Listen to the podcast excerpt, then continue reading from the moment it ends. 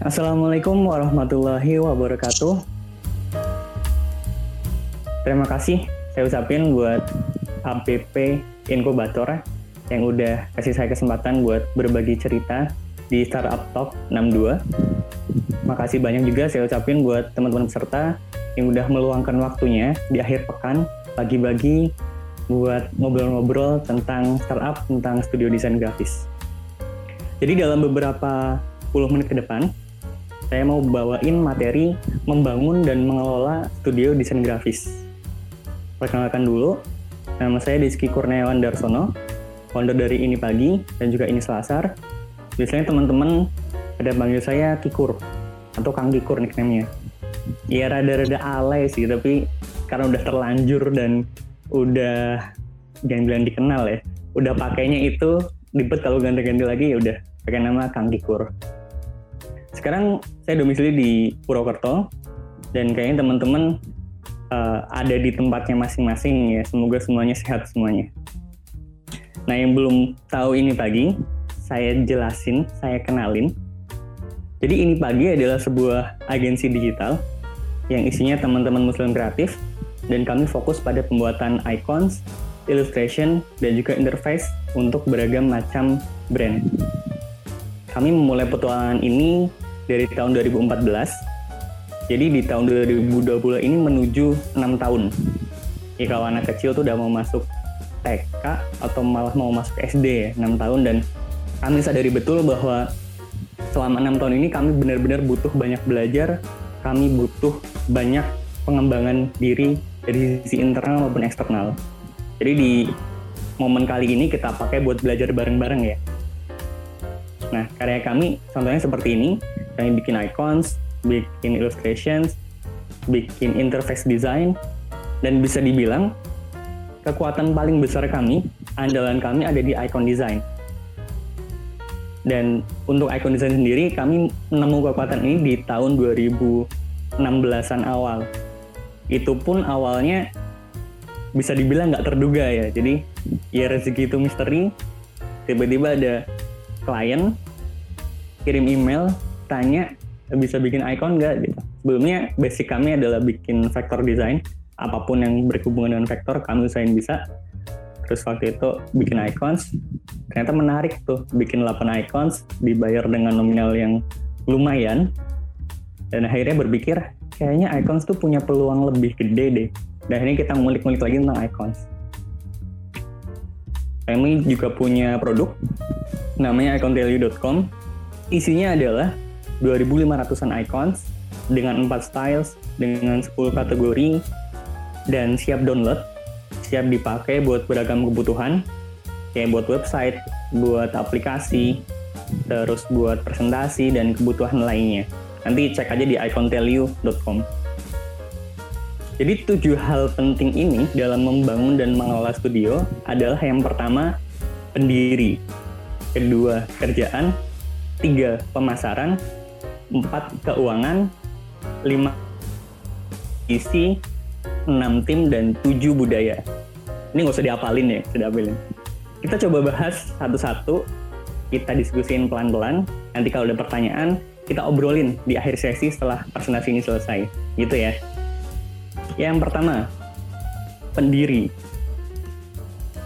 Teman-teman yang ada rasa pengen bikin studio desain, bisa memilih untuk mendirikan sendiri ataupun rame-rame. Masing-masing tentu punya plus minus yang berbeda.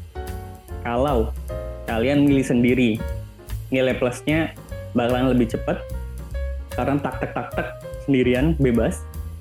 Terus kalau dapat income bisa dibilang nilainya gede buat sendiri juga. Tapi nilai minusnya adalah kalau pusing pusing sendiri Terus kalau ada kerjaan yang susah, ya harus siap dikerjain sendiri dulu. Dan kalau kenapa-kenapa ya harus siap sendirian ya.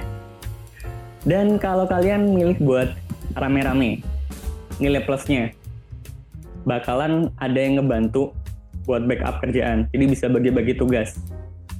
Bisa bagi-bagi tugas, bisa bagi-bagi stres juga.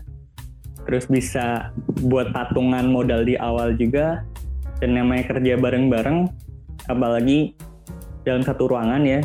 Tapi kalau sekarang mungkin kita hindarin dulu karena masih musim pandemi. Semoga segera berakhir. Amin. Jadi kerja bareng-bareng tuh seru gitu asik gitu. Dan nilai minusnya dari rame-rame adalah banyak kepala banyak ide berbeda yang bisa jadi saling berbenturan dan menimbulkan konflik. Itu itu rentan gitu. Terus juga ketika itu dimulai dari pertemanan terus berjalan berjalan berjalan tanpa ada kontrak yang jelas ternyata udah mulai berhasil ada uang yang masuk uang tuh bisa memanaskan keadaan gitu. Kalau teman-teman ingat Tuan Crab dan juga Plankton di SpongeBob mereka kan dulunya teman teman baik waktu kecil terus uh, karena masalah uang akhirnya mereka nggak berteman dan saling bermusuhan gitu. Ini contohnya pakai kartun ya, nggak apa-apa deh. Jadi buat pendiri teman-teman bisa memilih untuk memulai sendiri, jadi single fighter dulu, atau langsung rame-rame. Yang kedua, oh sorry, dari pendiri ini teman-teman harus punya komitmen, baik sendiri maupun rame-rame. Kalau sendiri, tips dari saya adalah bikin semacam deklarasi di kertas gitu ya, ditempel di kamar. Intinya dalam durasi tertentu, aku tuh mau serius ngurusin studio, aku tuh mau terjun all out di sini. Misalkan selama satu tahun ke depan. Dan kalau rame-rame, lebih wajib lagi buat bikin komitmen. Kalau bisa ada kontrak tanda tangan tertulis antara satu dengan lain orang, ada detail pembagian hak dan kewajibannya, lalu di situ ada nominal bagi hasilnya juga kayak gimana, itu benar-benar untuk mengurangi resiko adanya crash di tengah jalan. Misalkan nih udah komitmen setahun, ternyata di bulan ke-6 ada yang pengen uh, misalkan aku pengen serius jadi PNS, jadi guru misalkan. Tapi kan ada komitmen itu dia harus bisa mempertimbangkan kembali gitu. Kalau misalkan diberatin ke PNS-nya berarti sanksinya diberlakuin gitu komitmen ya, baik sendiri maupun rame-rame. Nah ini baru masuk yang kedua. Yang kedua, kerjaan. Tadi kan udah pendirinya mau sendiri maupun rame-rame, dan juga harus ada kerjaannya dong. Kerjaan di studio desain grafis bisa dibagi tiga sebenarnya. Yang pertama service base, berdasarkan layanan. Yang kedua produk. Dan yang ketiga adalah gabungan dari service maupun produk. Jadi kalau service mudahnya adalah teman-teman dari studio desain siap menerima order, siap menerima pesanan ketika ada klien yang membutuhkan desain. Entah itu misalkan logo atau kebutuhan konten untuk Instagram atau icons atau interface design dan lain sebagainya. Dengan produk bisa dibilang teman-teman memulai dengan bikin produk sendiri lalu dijual baik dijual ke platform buatan sendiri maupun ke marketplace yang ada. Karena kita tahu marketplace desain itu banyak banget sekarang. Contohnya ada Envato, ada Graphic Giver, di Icons tuh ada Icon Finder, ada Icon Scout, ada Flat Icon, dan banyak lagi. Atau yang ketiga, gabungan dari service maupun produk. Bisa di presentasi 50-50 atau 60-40 atau disesuaikan aja dengan kekuatan yang ada kami sendiri memakai gabungan dari keduanya dengan presentasi sekitar 60 service, 40 produk, dan itu pun bisa switch dan diganti. Jadi bukan angka yang pasti saklek kaku segitu. Ini tadi yang saya sebutin kerjaan, entah itu bikin icons, logo, illustration, UI, dan lain sebagainya. Dan sebisa mungkin mulailah dari apa yang kita bisa. Jadi saya sendiri awalnya emang alhamdulillah bisa ilustrasi dengan vektor. Yaudah saya mulai dari situ dulu.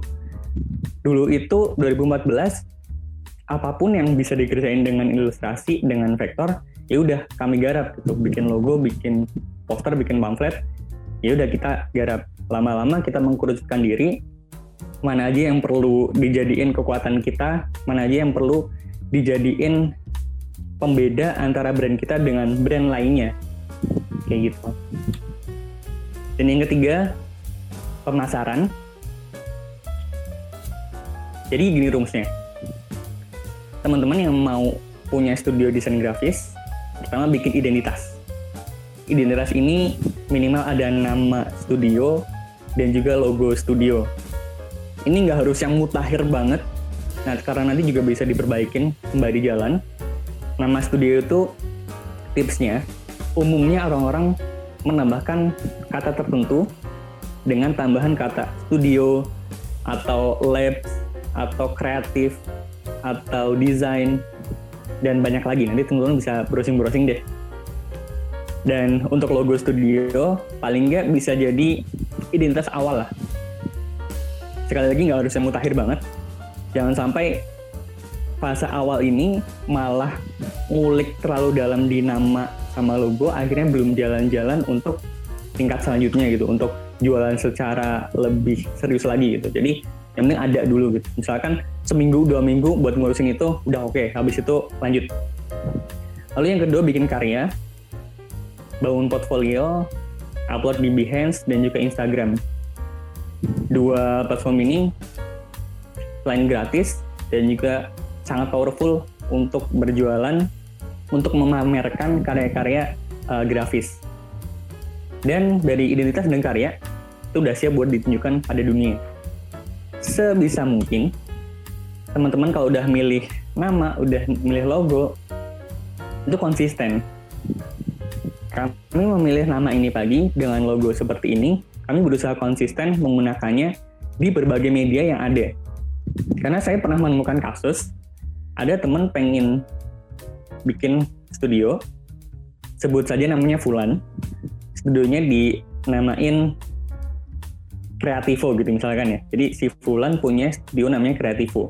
Sedangkan di portfolionya dia nyebutin ada nama Fulan, ada nama Kreativo, ada nama email yang alamatnya beda, pakai angka-angka itu kan jadi susah. Kalau bisa pilih satu nama, ya udah dari websitenya, akun Instagram, akun Behance, akun email disamain aja biar biar mudah gitu. Dan yang keempat, keuangan di sini yang pertama saya bahas adalah tentang permodalan. Karena mau gimana pun juga tetap butuh modal dalam bentuk uang.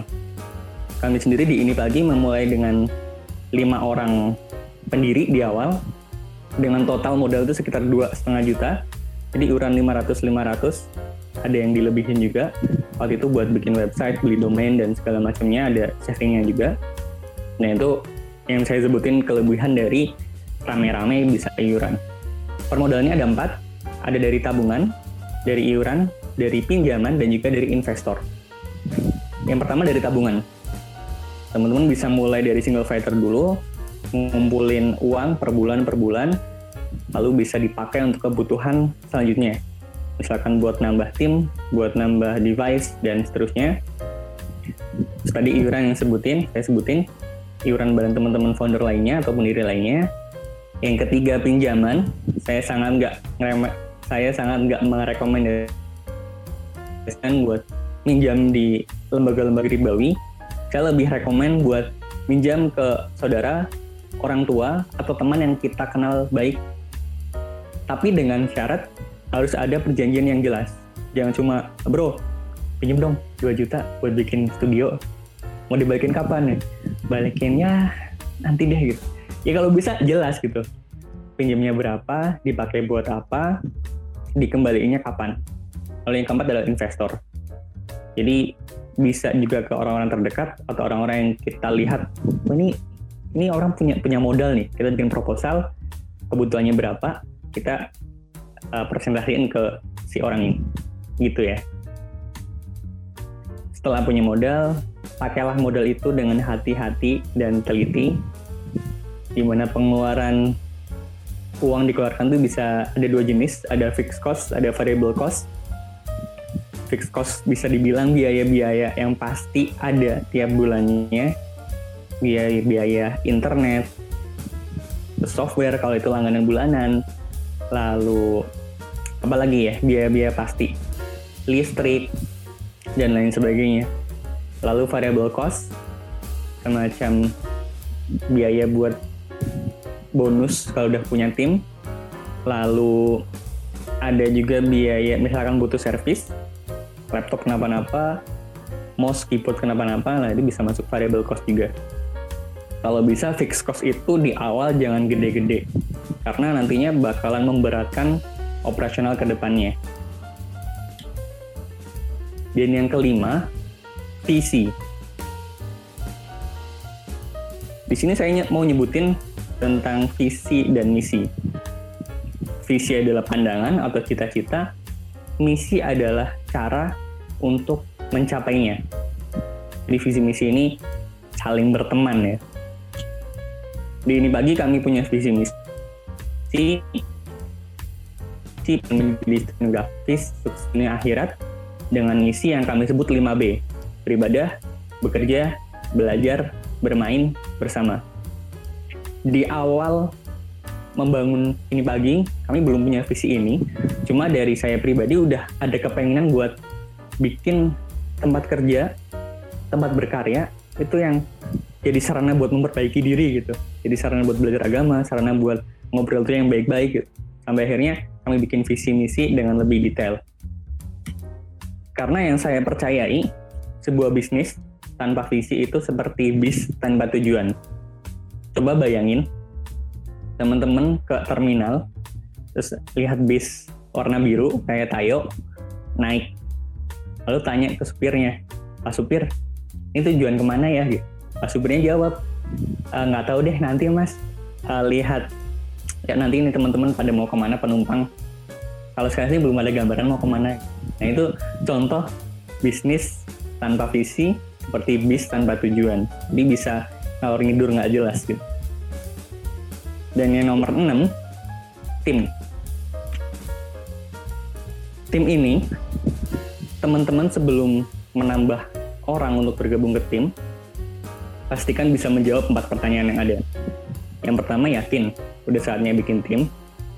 Yang kedua, siapa orangnya. Yang ketiga, nanti tugasnya ngapain aja. Dan yang keempat, udah ada modalnya. Empat pertanyaan ini penting karena jangan sampai kita pengen bikin studio yang kesannya ramai, menyenangkan, tapi ketika udah kumpul bareng-bareng nggak tahu mau ngapain gitu nanti tugasnya ngapain aja nggak tahu yang penting kumpul dulu aja deh gitu. Jadi kalau bisa emang udah ada kerjaannya dulu kerjanya udah overload dulu baru kita nge-hire orang buat gabung di tim kita gitu. Terus uh, sebelum gabung kita juga siapin juga buat modal menggaji mereka dan bagaimana sistem penggajiannya juga udah dibikin sedemikian rupa. Gitu ya teman-teman ya. Dan yang nomor tujuh terakhir adalah budaya. Karena saya percaya mengelola tim sama dengan mengelola manusia. Di situ kita butuh yang namanya budaya atau culture. Karena kita mengelola hal yang bisa dibilang dinamis ya. Nggak seperti robot, nggak seperti batu. Dan perlu sebuah entitas untuk menyatukan itu. Kita sebut itu culture. Di ini pagi, kami punya culture yang berlandaskan dari 5B, visi misi tadi, dan kami punya agenda untuk menghidupkan culture itu. Contohnya yang pertama kami punya agenda ini sepik. Ini agenda pas lagi onsite ya, pas lagi nggak WFH. Jadi di agenda ini sepik ini, kami semua berlatih buat presentasi, kami semua berlatih buat public speaking. Karena saya yakin jadi desainer nggak cukup bisa bikin desain yang bagus, nggak cukup bisa bikin desain yang efektif, tapi paling nggak bisa ngomong, bisa mengungkapkan ide, mengungkapkan pendapat, gitu. Terus kami juga punya ini cerita, di dalamnya ada kegiatan stand up meeting tiap hari Rabu pagi itu, terus ada cerita bermanfaat. Jadi buat melatih storytelling teman-teman tim di ini pagi. Lalu kami juga punya ini ngaji yang selaras dengan visi misi kami. Ini ngaji ada dua section, ada dua seksi. Yang hari Kamis bareng Ustadz Fahmi kami belajar tentang hadis, tentang fikih. Yang hari Jumat kami belajar baca Al-Quran bareng Ustadz Hasim. Kami juga punya ini main. Ini bisa dibilang program atau agenda favorit di tempat kami. Karena ketika ini main, kami berkunjung, kami main, kami bertamu, ke berbagai macam studio, berbagai macam perusahaan, dan dapetin banyak ilmu, dapetin banyak kenalan baru di sana. Jadi kami belajar pelan-pelan bagaimana cara bertamu yang baik, dan kami juga melihat setiap orang yang kami kunjungi, kami belajar bagaimana menjadi tuan rumah yang baik. Di saat ini main, kami menemukan banyak insight baru, ilmu-ilmu baru yang bisa jadi mereka tuh nggak pernah share di internet, nggak pernah share sebelum kita ngobrol atau tanyain langsung gitu. Dan agenda lagi lainnya makan tampan. Jadi di akhir bulan kayaknya makan bareng setelah gajian di akhir pekan makan bareng buat quality time sebisa mungkin nggak ngobrolin kerjaan jadi benar-benar buat mengakrabkan satu sama lainnya dan juga agenda-agenda lainnya yang alhamdulillah sudah bisa dibilang udah rutin gitu meskipun dalam beberapa kondisi kami cukup fleksibel seperti sekarang WFH jadi beberapa agenda ada yang di pending dulu ada yang diubah formatnya Lalu kami membuat culture ini dalam sebuah booklet. Jadi kami bikin semacam kayak gini. Ada berlembar-lembar, ber 30 lembar lah ya. Itu ada visi misi, ada values kami, ada reward punishment, agenda internal, dan juga rules dan regulation. Jadi kami bikin visi misi, kami bikin nama nggak yang sekedar buat ya udah ini visi misi, tapi berusaha buat dihidupkan dalam keseharian di studio. Nah itu tujuh hal penting dalam membangun dan mengelola studio desain grafis. Yang pertama pendiri, kedua kerjaan, tiga pemasaran, empat keuangan, lima visi, enam tim, dan tujuh budaya. Segitu aja share dari saya. Kita bisa lanjut untuk diskusi karena tadi dibuka dengan salam, saya tutup juga dengan salam. Wassalamualaikum warahmatullahi wabarakatuh.